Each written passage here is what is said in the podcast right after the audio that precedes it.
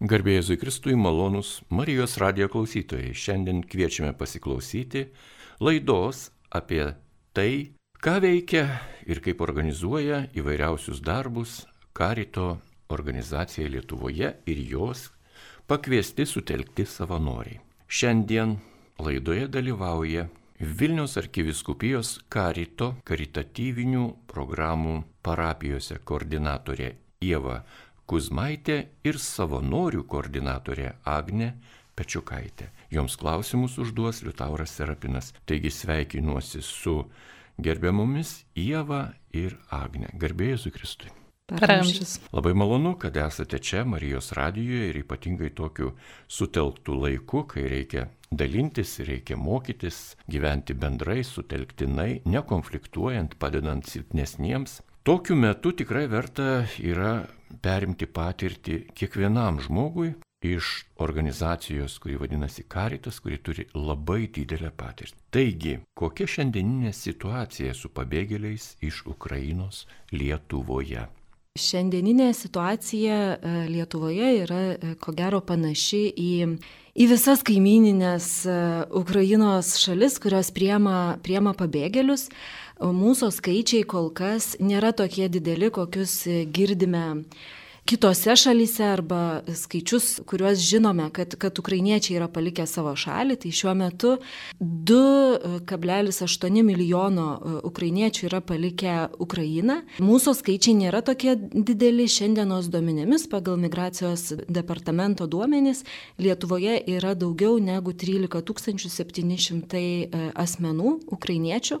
Šitas skaičius e, galime spėti, jog nėra baigtinis, nes ne visi žmonės peržengę Lietuvos, Lietuvos sieną, iš karto užsiregistruoja migracijos departamente, galime spėti, kad skaičius yra didesnis.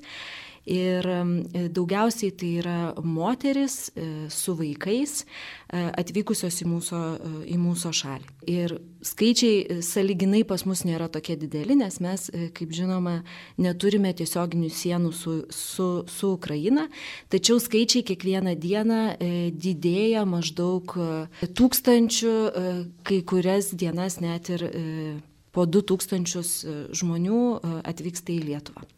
Jūs jau minėjote, kad jų yra, na, tikrai gal daug, gal nedaug, žmonės tikrai patys nuspręs, kaip tas procesas atrodo. O iš tikrųjų, kiek tų savanorių yra, kokie jie vaikai, moteris, močiutės, maždaug koks santykis yra, ar tai galima iš jūsų gauti tokią informaciją? Per visą Lietuvą karite yra užsiregistravę virš 2000 savanorių. Vilniaus mieste turime virš 1000 savanorių Ir jų amžius tikrai yra labai įvairus. Tai yra pilnamečiai savanoriai, bet keletą turim ir nepilnamečių, kurie, tarkim, padeda galbūt rušiuoti humanitarinius paketus. Tai tikrai platus spektras amžių tiek nuo 18, tiek iki 70 ar net ir vyresni. O koks procesas vyksta ukrainiečiams atvykus į Lietuvą?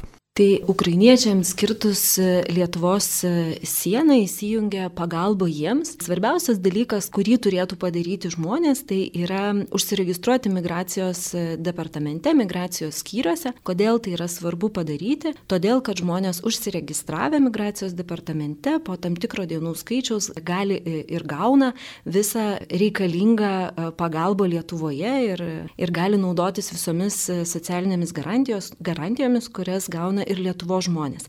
Tarkime, gali registruoti, užrašyti savo vaikus į mokyklas, į darželius. Tas labai svarbus dalykas - gauna medicininę pagalbą. Tai pirmasis žingsnis, kurį turėtų padaryti asmuo, e, yra registracija migracijos departamente. O tada įsijungia visos kitos nevyriausybinės organizacijos, kurios e, šiuo metu yra susitelkusios padėti ukrainiečiams. Tai tokių organizacijų mes e, turime šešias. Kelių iš jų funkcijos yra labai tikslingos ir aiškios aiškios. Tai pirmiausia yra organizacija Stiprus kartu, kurie remia, remdamiesi Lietuvos žmonių savanorystę ir gerą valią, registruoja žmonės, kurie gali priimti ukrainiečius e, pas save į namus e, apgyvendinti. Tai yra savanoriai, kurie e, suteikia galimybę gyventi būte, name arba laisvame kambaryje. Tokius žmonės stiprus kartu organizacija registruoja ir ukrainiečiam atvykus į Lietuvą ieško tam tikrų būstų, kurie yra vienai ar kitai šeimai reikalingi. Tai be abejo priklauso nuo to, kiek asmenų sudaro šeima ir kokios galimybės tų savanorių, kuriuos, kurie juos gali priimti. Tai organizacija Stiprus kartu yra atsakinga už žmonių apgyvendinimą. Kita organizacija e, yra Maisto bankas, kuri labai tikslingai rūpinasi žmonių maitinimu. Kiekvienas asmuo atvykęs į Lietuvą pirmai pradžiai gauna trijų dienų maisto paketą, kurį gali naudoti, kai e, turbūt e, yra situacija tokia, kad žmogus neturi nei pinigų, nei, nei kažkokio supratimo, kur, kur tą maistą gauti, tai maisto bankas suteikia maisto, maisto paketą. Gelbėkit e, vaikus organizacija rūpinasi vaikais ir besilaukiančiomis moterimis, o trys likusios organizacijos, tarp kurių yra esame ir mes, e, tai yra Karitas, Maltos ordinas ir kryžius, Lietuva yra pasidalinęs į 60 teritorijų, tai yra 60 savivaldybių. Kiekvienoje savivaldybėje šitos nevyriausybės nevyriausybinės organizacijos yra pagalba savivaldybėms teikiant pagalbą ukrainiečiam. Tai pirmoji tokia mūsų atsakomybė tai yra ruošti humanitarinius, hygieninius paketus ukrainiečiams, tai yra Svarbiausios hygienos prekės, kurių e, žmonės ne visi, ne visi su savim atsiveža, tai yra dantų šepetukas, dantų pasta, e, šampūnas, muilas, e, drėgnos servetėlės, toletinius popierius. Tai šitos hygieninius paketus humanitarinius ruošia šitos trys organizacijos ir savo teritorijose suteikia kiekvienam ukrainiečiui prisidedam prie pagalbos, organizuojant savivaldybėse reikalingus procesus. Visos savivaldybės taip pat yra pasiruošusios suteikti žmonėms tam tikras apgyvendinimo vietas, tai stiprus kartu organizuoja ir kreipiasi į savanorius, kurie gali priimti savo namuose, bet lygiai taip pat ir savivaldybės turi vietų, kurias skiria e, ukrainiečių apgyvendinimui ir čia irgi yra reikalinga e, mūsų kaip nevyriausybinio organizacijų pagalba. Tai padedam sutvarkyti tas vietas, jeigu yra poreikis poreikis, padedam su logistika, jeigu reikia kažką atvežti, nuvežti,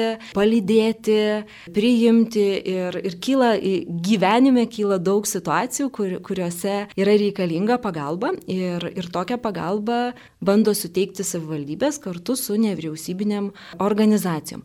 Ką dar galime e, paminėti, kad žmonės atvykę į Lietuvą, be tų iš mano išvardintų dalykų, tai yra maisto, humanitarinių hygienos paketų, gali gauti ir SIM korteles telefonam, jeigu yra toks poreikis ir žmonės jų neturi tam, kad galėtų susisiekti vieni su kitais tiek Lietuvoje, tiek kitose šalyse, taip pat nepamesti ryšio su savo giminaičiais e, likusiais Ukrainoje. Ir taip pat į pagalbą be abejo įsijungia ir visi geros valios žmonės, kurie prisideda prie Prie šitų procesų šiuo metu vykstančio. Kaip ir minėjau, pirmasis dalykas tai yra registracija migracijos departamente ir tada įsijungia visos kitos e, organizacijos. Ir paskutinis dalykas, kurį dar turbūt galima paminėti apie šitą procesą Lietuvoje pagalbos, kaip jis yra organizuojamas, tai yra, kad e, Lietuvoje veikia ir tokie registracijos centrai. E, šiuo metu jie yra Marijampoliai, Vilniuje, šiomis dienomis turėtų atverti duris Klaipėda, Šiauliai, Kaunas ir registracijos registracijos centre žmogus gali gauti, žmonės gali gauti visą paketą paslaugų. Tai šitame centre yra ir imigracijos departamento darbuotojai, ir maisto banko atstovai, ir mūsų organizacijų atstovai, ir gelbėkit vaikus atstovai, ir stiprus kartu atstovai. Tai toks yra vienoje vietoje yra sutelktos visos organizacijos, kurios vienu kartu gali padėti vienu ateimu žmonėms susigaudyti Lietuvoje. Dar apie pagalbą galime turbūt kalbėti ir apie tam tikrų parapijų įsitraukimą, jeigu kalbant apie Vilniaus arkiviskupijos, tai be to, ką minėjau, dar be abejo ir įsitraukia parapijos, kuriuose žmonės gyvena ir ten irgi suteikia tokią kaip ir palaikomąją turbūt žmonėms atlieka palaikomąją misiją, jeigu žmonėms tiesiog iškyla kažkokių klausimų, juos priema, palydi, sutinka, nukreipia ir padeda, na, tokiais artumo klausimais, artumo bendravimo ir nepalikimo vienais. Šioje laidoje mes akcentuojame pagalbą ukrainiečiams ir jūs pasakojate būtent apie šios tikslinės grupės asmenys atvykstančius, bėgančius nuo karo baisumo, bet turbūt Lietuvoje yra ir kitokių pabėgėlių ir iš kitų valstybių ar šalių ar kraštų, ar jie visi kartu kreipiasi tas pačias institucijas ir būna ir atlieka ir gauna tą pagalbą. Tai procesai yra kiek kitokie, Žmonės, e, kurie yra atvykę iš kitų šalių, jų prieimimo tvarka yra sudėtingesnė, ukrainiečiams prieimimo tvarka yra lengvesnė, jie jie tiesiog užsiregistruoja migracijos departamente. E, kiti e, pabėgėliai, kurie e, ir dabar yra kirtę Lietuvos sieną, jeigu prisiminti situaciją buvusią prieš kelis mėnesius, tai jie turi prašyti prieglopščio Lietuvoje, tada jų prašymas nagrinėjimas ir arba suteikiamas, arba nesuteikiamas. Skirtumas dar yra ir toks, kad tie žmonės gyvena tam tikrose uždarose teritorijose ir negali laisvai judėti Lietuvos teritorijoje. Ukrainiečiai kirtė sieną gali tą daryti visiškai, visiškai laisvai, tiesiog atlikti tuos žingsnius, kuriuos minėjau, užsiregistruoti migracijos departamente ir tada bandyti gyventi kiek įmanoma normalesnį gyvenimą, tai ir ieškotis darbo, registruoti vaikus į mokyklą, gauti medicinės paslaugas ir taip toliau. Kaip yra panaudojamos tos tikslinės aukos, lėšos, kurias dabar įvairios organizacijos surenka pagalbai Ukrainoje ir pagalbai iš Ukrainos pasitraukusių karo pabėgėlių gėriui. Tai galime įvardinti turbūt tokias dvi galimybės aukoti tos dvi galimybės ir yra skirtingos. Tai pirmoji galimybė e, - žmonės e, aukoja per portalą aukok.lt ir aukoja būtent žmonėms, kurie yra Lietuvoje. Tai reiškia, kad penkios e, organizacijos, tos didžiosios, kurias jau minėjau, tai yra Karitas, Maltiečiai, Raudonasis kryžius, Maltos ordinas ir Gelbėkit vaikus organizacija, tas aukas naudoja tai humanitariniai pagalbai, kurios žmonėms reikia čia būnant Lietuvoje. Šiuo metu yra yra paukota apie daugiau šiek tiek negu 2 milijonai eurų. Už juos mes perkam tuos hygieninius humanitarinius paketus, e, maisto bankas perka maisto produktus ir visus kitus reikalingus dalykus. Ir antroji aukų grupė tai yra Lietuvos karitas e, savo tinklapyje yra paskelbęs e, sąskaitą ir ten yra renkamos aukos, kurios yra tikslingai renkamos Ukrainos karitui. Vadinasi, visos tos aukos bus skirtos e, arba vežti tam tikrus dalykus, kurių prašys e, Ukrainos karitas, nupirkus Lietuvoje ir siunčiant į Ukrainą, arba e, siunčiant lėšas, kurios yra surinktos. Tai yra tokios dvi galimybės - pagalbai žmonėms, kurie yra Lietuvoje ir kita yra tikslingai Ukrainos karitui. Na ir dar vienas klausimas, kuris iš tikrųjų rūpi turbūt klausytojams, tai yra kokios perspektyvos laukia čia atvykstančių Lietuvoje.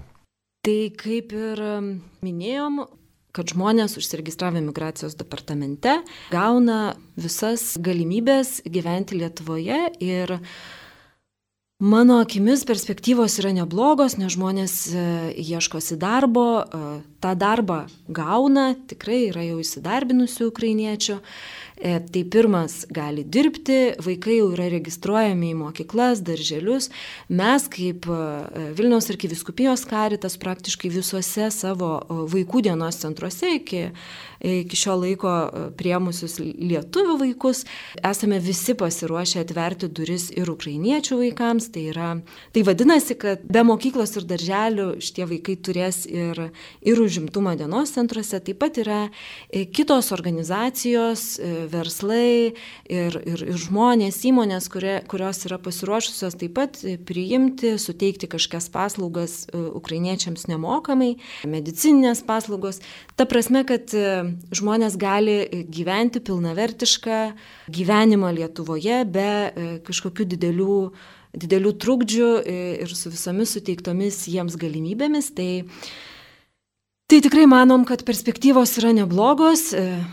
Ir aišku, tikimės, kad po tam tikro laiko, kurį čia reikės žmonėm išbūti, jie galės grįžti į, į laisvą savo šalį. Besiklausant jūsų, man ir kilo tokia mintis iš paskutinio jūsų teksto, kad gal ir keistai kiek atrodo, manau, klausytojai pritars, surenkame pinigus iš aukotojų ir perkame hygieninius paketus. Ogi galėtų ir verslas tuos hygieninius paketus kažkaip paukoti, ten galėtų ir jų mokesčiai būti sumažinti, tai būtų labdara ir geras darbas, o tuos grinus pinigus paukoti dar kažkokiems specifiniams dalykams, kurių įmonė nepagamins ir nepadarysgi žmonės atvyksta sutraumuoti ir psichologiškai, ir dvasiškai, ir, ir praradę yra daug ką, ir ten ypatingai, ypatingai, jūsgi pažįsta tą situaciją. Ar tai nekeista situacija, pinigus vėl versti į paketus ir taip toliau. Žinot, man atrodo, kad e, šioje situacijoje reikia reaguoti greitai, tai kol kas yra taip, bet tikrai verslai, įmonės tikrai prisideda ir vienos ir aukoja tam tikrus e, tų humanitarinių paketų dalykus, e, kitos tikrai daro didelės nuolaidas juos įsigijant. Mes savo ruoštų taip pat kviečiam ir galinčius įmonių darbuotojus ir savanorius tiesiog surinkti ir nupirkti tą humanitarinį paketą ir, ir taip prisidėti. Tai tikrai yra yra kviečiami tą daryti žmonės, verslai ir įmonės ir tikrai prisideda. Tiesiog taip greitai visų tų prekių e, surinkti turbūt negalim, o reikia veikti greitai. Tai kol kas yra taip, bet e, galimybės tikrai žmonių pasiryžimas padėti yra didelis. Tai manom, kad tikrai tai yra įmanoma ir taip pat truputį vyksta. Tęsėme laidą apie karito organizacijos organizuojama pagalba pabėgėliams iš karo Ukrainoje. Tai ukrainiečių tautos žmonės, įvairių tautybių, bet turintis ukrainiečių pasą, turintis pilietybę. Ir šioje laidoje apie pagalbą pasakoja Vilnius arkiviskupijos karito karitatyvinių programų parapijose koordinatorė Ieva Kuzmaitė ir savanorių koordinatorė Agne Pečiokaitė. Tęsime laidą. Kiek savanorių prisideda prie pagalbos ukrainiečiams? Tai kaip minėjau, kad Vilniaus arkiviskupijos karitė yra užsiregistravę virš tūkstantį savanorių. Mes esame iš tikrųjų jau sustabdę savanorių anketą, nes ganėtinai didelis skaičius ir kad juos įgalinti, tai gal vėliau būsim iš naujo. Ja skelbsim, kad prisidėti žmonių, nes yra ir pavienės įmonės, kurios irgi nori su savo darbuotojais, grupėmis savanoriauti. Tai dabar tokio labai konkretaus skaičiaus nenurodyčiau, kiek yra įgalinta, bet skaičius viruotų tarp 300-400 savanorių, kurie jau prisidėjo vienokią ar kitokią pagalbą. Šioje situacijoje aš gal iš tos pusės dar paminėsiu, kad neseniai darbuojasi tik tai karite, tai, tai antras, trečias menuo eina, tai labai toks nemažas iššūkis man asmeniškai buvo kad buvo tik tai su dešimtim, nu, tursime per padalinius savanorių koordinuoti ir čia, kai tūkstantį savanorių gauni, tai buvo nemažas iššūkis toks. Uh. tai va, tai, tai kažkaip labai yra džiugu, kad savanoriai iš ties labai noriai prisideda, skambina ir aktyviai dalyvavo visame tame, kad tikrai labai noriai prisideda ir nori Tai sveikiname jūs iš tikrųjų taip ūktelėjus nuo dešimčių savanorių ar net šimtų, pereinant dirbti, koordinuoti juos iki tūkstantinės kariaunos, tikrai yra didžiulis turbūt patyrimas. Ir yra smagu, bet kuriuo atveju jums yra begalinis patyrimas. Kur tokią patirtį žadate vėliau panaudoti? Nu, čia gal taip pat sakysiu, kaip Dievas duos. Dievas tikrai duoda. Taigi, tęsėme laidą ir dar norisi klausti Agnes. Kokios, kokios pagrindinės savanorių funkcijos yra padedant iš Ukrainos atvykusiems? Tai gal kaip ir Jėva minėjo, kad pirmiausia tokia pagalba savanorių yra tai rušiuojant humanitarinius paketus, e, juos išvežiojant į tam tikras viskupijos irgi miestus, kaip drustininkai, šalčininkai, švenčionis, trakai. Tai savanoriai paima tos humanitarinius paketus ir išvežioja tos miestus. E, taip pat yra, kad tik tai pradėjus, prasidėjus šitai situacijai, aš grupelę savanorių subūriau, kad jie man gelbėtų ties komunikacija su kitais savanoriais, kad savanoriai koordinuotų kitus savanorius, nes tikrai apimtis yra nemaža. Šitoje situacijoje jie buvo man pagalba ir dabar toliau tęsim su tuo ir dabar yra prisijungę jau ir mūsų karito padalinių vadovai, kurie irgi padeda koordinuoti savanorius. Mes esame atsidarę Pilies gatvėje 7 dabar savanorių koordinavimo centrą, kuriame taip pat yra turėjom savanoriams mokymus mažesniai grupeliai, kurie žinotų pagrindinį informaciją, kuri būtų suteikiama tiek ukrainiečiams, tiek užsukančiams lietuviams, kurie norėtų sužinoti daugiau apie šitą visą situaciją. Tai Pilies gatvėje savanoriai teikia va tą visą informaciją, Nežinau, galbūt jeigu ką nors pamirštų, tai jie mane tegu papildo, nes tikrai gausu informacijos. Taip pat yra, kad savanoriai turėjo visi ir dabar tebe vyksta įvadinius mokymus, kurie yra privalomus savanoriams, pradedant savanoriauti. Taip pat papildomai siūlom pirmosios pagalbos mokymus Tikrai džiugu tai, kad savanoriai aktyviai dalyvauja ir įsitraukia į tos mokymus vienus ir kitus ir aktyviai taip pat skambina ir klausia, jeigu mes jų dar nebuvom pakvietę į vieną ar kitą savanorystę, prasme į pagalbą, tai jie skambina ir klausia, tai kur galiu prisidėti. Kažkaip va, tas aktyvumas yra, nu, labai taip godžia širdį tą vienybę tokia, tai kažkaip džiugu yra ties lietuviais va ta vienybė tokia. Jau minėjote apie Pilies gatvėje įsikūrusių savanorių būstinę, buveinę, o pastaruoju metu atsidarė dar turbūt pagalbos būstinė ir prie Lukiškių aikštės. Papasakokite apie tai plačiau. Taip, tai čia viena iš pirmųjų vietų, tai Lukuškių kalėjimo patalpose turime patalpas, kuriuose rušiuojame tuos humanitarinius paketus. Tiek ir įmonės, kurios teikia paramą, ten atveža mums tuos daiktus, kurie yra būtini humanitarinių paketų sudėčiai. Ir savanoriai surinkę juos rušiuoja į maišiukus ir kiti savanoriai atvyksta į Lukiškės išveža į tuos miestus.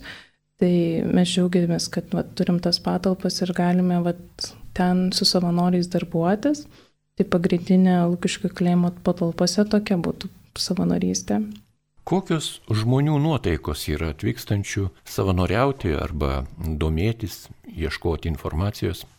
Kaip jau ir ne vieną kartą minėjau, tai tikrai labai aktyvios, net ir matant, kaip savanoriai registravus, tik tai ankento paskelbus, iš tikrųjų tai jeigu dabar neklystu, tai į dieną po šimtą, po kelius šimtus, ta prasme, užsiregistruodavo savanorių, tai jau matosi tas toks aktyvumas. Jau kai uždarėma registracija Vilniaus mieste, tai tikrai buvo, kad tuos savanorius, kuriuos vat, mažesnė grupelė pasikviečiau, kad man pagelbėtų koordinuoti kitus savanorius, tai jie negailėjo savo nei laiko, nei jėgų, kartais net matydavau, kad savanoriai net arbatos atsisako ir pietų, kad tik tai padėtų kuo greičiau sustruktūrizuoti visą šitą darbą.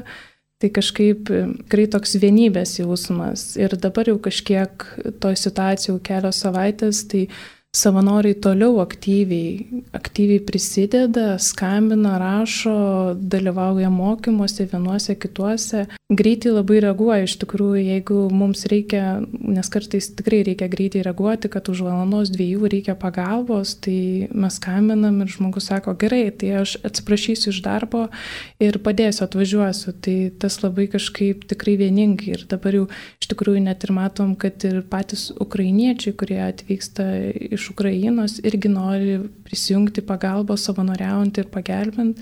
Tai tiek lietuviai, tiek ir net užsieniečiai ne iš Ukrainos taip pat irgi rašo, registruojas tai aktyviai. Kaip pasikeitė savanorių motivacija lyginant su ankstesniais kvietimais į karitatyvinės tarnystės? Sakyčiau, kad kažkaip suvienijo labiau šiuo metu, kad visi jaučia tokį vieningumą ir nori, nori va, įsitraukia į tą savanorystę. Prieš tai žmogui galbūt labiau reikėdavo pagalvoti, ką aš čia darysiu, kokiu tikslu darysiu. Tas laikas, prasme, labiau klausdavo, kaip atrodo ta savanorystė viename ar kitame padalinyje O dabar priešingai, nesvarbu, ką aš darysiu, aš noriu padėti. Tai toks, taip galbūt atsakyčiau, nežinau, gal Lieva dar gali papildyti šitą. Aš galėčiau dar papildyti Agnę tokiu, nežinau, gal pasakojimo arba patirtimo. Man vieną šeštadienį teko su keliais vyrukais, kuriuos mes buvom pasikvietę tiesiog pernešti iš vienos vietos daiktus į kitą, nes vyko kaziuko mugė ir, ir negalėjom judėti su mašinom. Tai tikrai žmonių pasiryžimas ir, ir užsidegimas yra sunkiai, sunkiai suprantamas ir, ir labai džiugus, nes tikrai atėjo vaikinukai apsirengę, sako, mes čia pasiruošę, čia daug dirbti, nešt e, su, su, su darbiniais rūbais ir gal čia jūs mums net per mažai duodate to darbo, nes mes norim, norim, norim, norim dar ir dar ir dar daugiau. Ir tikrai greitas žmonių toksai pasiryžimas pagelbėti iš tokių kasdieninių situacijų yra yra, atrodo, labai stipriai, stipriai išaugęs ir tikrai e, visai kitoks negu buvo, buvo anksčiau. Ir tą mums liudyja kiekvienas turbūt susitikimas kiekvieną dieną su, su savanoriais. Ir dar e, taip klausydama Agnės turbūt e, pagalvojau, kad pradžioje galbūt nepaminėjome, mes kalbam apie Vilnių, Vilnių, Vilnių, Vilniaus savanorius, bet lygiai taip pat Vilniaus arkiviskupijoje mes turime ir parapijų savanorius, kurie yra įsikūrę ir dirba jau tam tikrose parapijose kurios priklauso mūsų teritorijai, tai kur Agnė truputį ir minėjo, ir druskininkai, ir, ir šalčininkai, trakai, lentvaris, varėna, ignalina, tai ten irgi yra savanoriai susibūrę jau iš buvusių parapiečių, yra prisijungusių ir naujų, bet ten žmonės irgi labai aktyviai, aktyviai padeda ukrainiečiam, tai yra mažesni miesteliai, mažesnės erdvės ir, ir turbūt tas bendravimas yra truputį glaudesnis ir, ir artimesnis, bet ten savanoriai irgi yra e, įsitraukę į tą pagalbą ir tą daro tikrai kol kas labai nori ir labai motivuotai.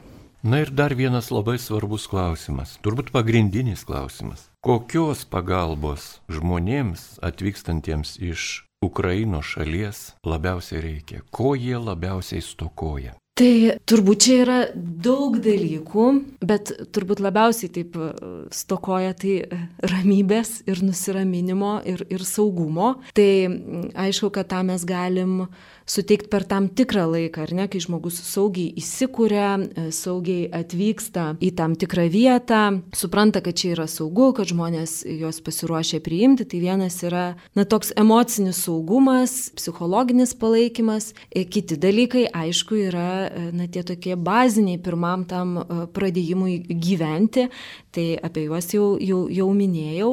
Turbūt svarbu, svarbu pasakyti, kad, kad žmonės atvyksta su vienu, nežinau, lagaminu, kuprine, taše, tai jie daug, daug dalykų e, kažkokių neturi ir tam pirmam įsikūrimui reikalingi visi tokie e, būtiniausi daiktai, e, būtiniausios, būtiniausios paslaugos. Bet pirmiausiai, bent jau mano nuomonė, tai yra tas saugumas, emocinis palaikymas ir turbūt net ir tas liet, mūsų, mūsų nusiteikimas ir geranoriškas prieimimas.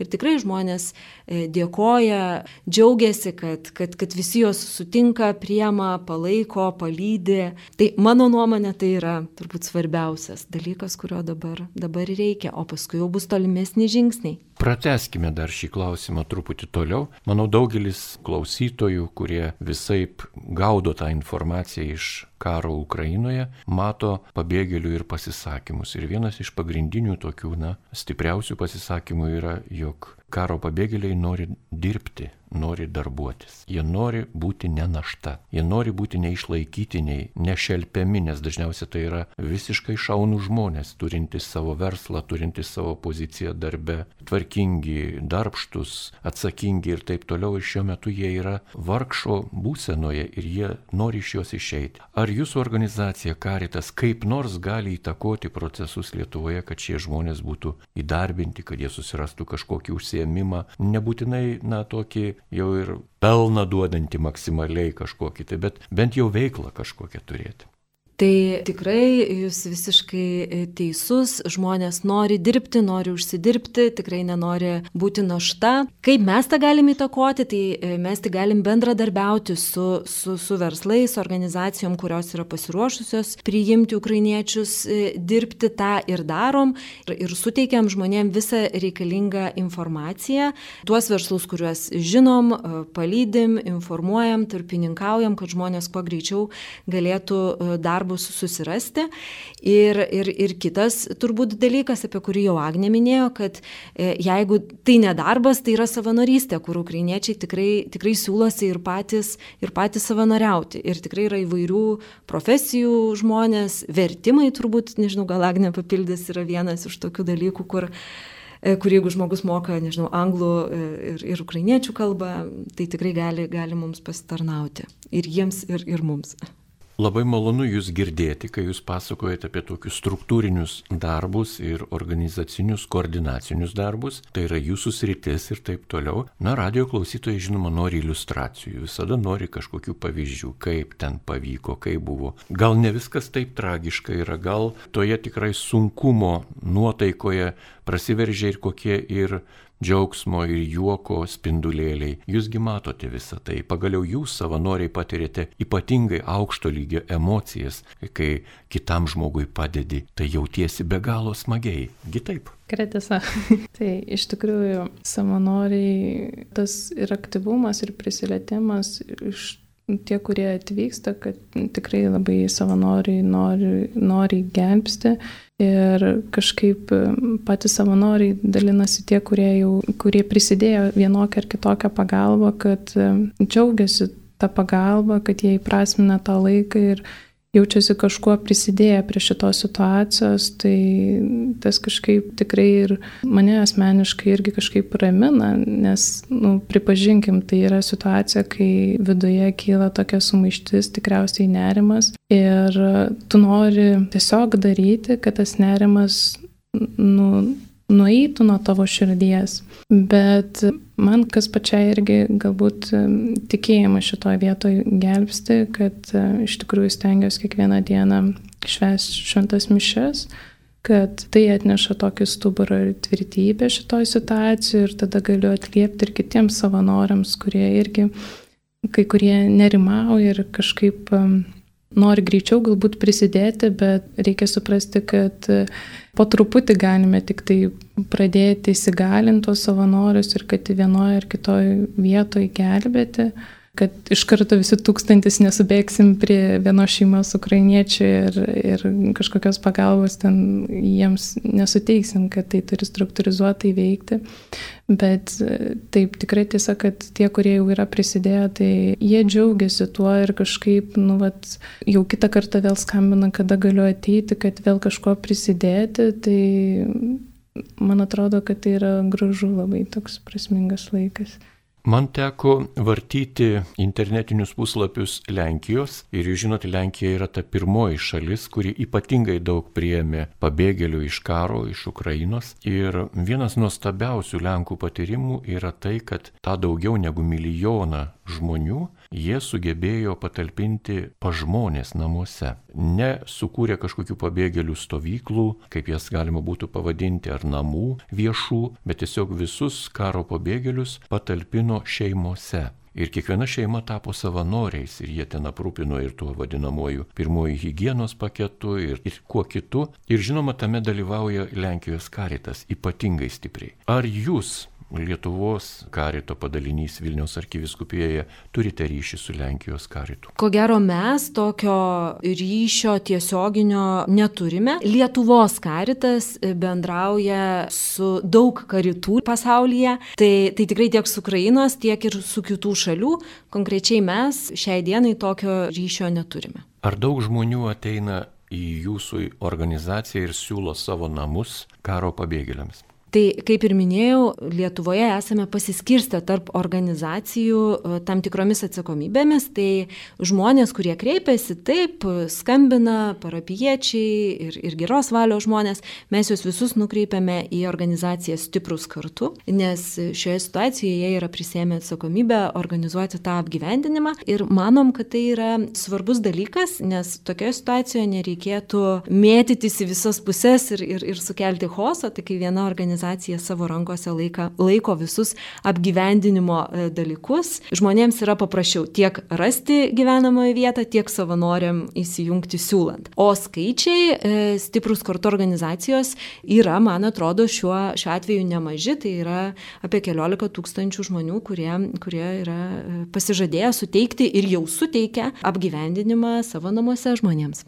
Na ir laidos pabaigai, kur būtų galima rasti informaciją apie jūsų atliekamus darbus, jūsų struktūrinius padarinius, kaip prisijungti, kur kreiptis? Tai žinoma, pagrindinis šaltinis tai yra mūsų Vilniaus arkiviskupijos karito internetinis puslapis, kuriame galime rasti visą informaciją apie mūsų padalinius, kurie veikia daug metų ir, ir, ir šioj situacijai veikia. Ir žinoma, visą karštąją informaciją apie Ukrainos situaciją, tai Tai ir visas galimybės, visus regionus, visa, visus numerius galime rasti mūsų, mūsų tinklapyje. Ir aišku kviečiame e, sekti ir mūsų Facebook paskyrą, kurioje įkeliame tokias e, turbūt karščiausias žinias, karščiausius e, ir prašymus prisidėjimo, jeigu jų kyla, nes kaip, kaip ir Agnė minėjo, situacija yra kintanti ir, ir, ir kiekvieną dieną gali iškilti kažkokių naujų poreikių, tai, tai Facebookas yra ta mūsų greitoji linija, kurioje paskelbėm, paskelbėm žmonėm naujausią informaciją. E, o apie visą e, karito Lietuvoje veiklą galime, galime irgi rasti informaciją Lietuvos karito puslapyje. Apibendrinant šią laidą, jums tai yra visiškai nauja patirtis. Lietuvoje tikrai karitas įvairiose viskupijose neturėjo funkcijos ir neturėjo galimybės padėti ukrainiečiams bėgantiems nuo karo. Ką jūs galėtumėte apibendrinant pasakyti šios laidos pabaigai? Tai situacija su ukrainiečiais e, tikrai mums yra e, nauja ir, ir turbūt nauja visam pasauliui, kai, kai tai e, yra toks karo atvejis. Truputį turbūt galėtumėm paprieštrauti, kad neturėjom jokios patirties, tai iš tikrųjų mes 16 metų turime užsieniečių integracijos programą Vilniaus arkiviskupijos karite, kur dirbam, dirbom tuos visus 16 metų ir dabar su, su pabėgėliais, be abejo ne su Ukrainos žmonėmis, bet su pabėgėliais, tai šiokios tokios patirties turime, bet aišku, šita situacija yra kiek kitokia prie jos reikia bandyti prisitaikyti ir man atrodo tiek, tiek mes, tiek kitos nevyriausybinės organizacijos, tiek, tiek valstybė ir savivaldybės daro viską, kad kuo greičiau, kuo sklandžiau, su kuo didesniais pajėgumais, resursais užtikrintumėm e, tiem žmonėm to, ką, kaip ir minėjau, mano galva yra svarbiausia - saugumą, palaikymą tiek, kiek jiems Lietuvoje to reikės. Malonus Marijos radio klausytojai, jūs girdėjote laidą, kurioje apie pagalbą nuo karo bėgantiems Ukrainos žmonėms pasakojo Vilniaus arkiviskupijos karito karitatyvinių programų parapijose koordinatorė Jeva Kuzmaitė ir savanorių koordinatorė Agnė Pečiokaitė. Joms klausimus uždavė Liutauras Serapinas, kviesdamas ir toliau likti su Marijos radiju kartu.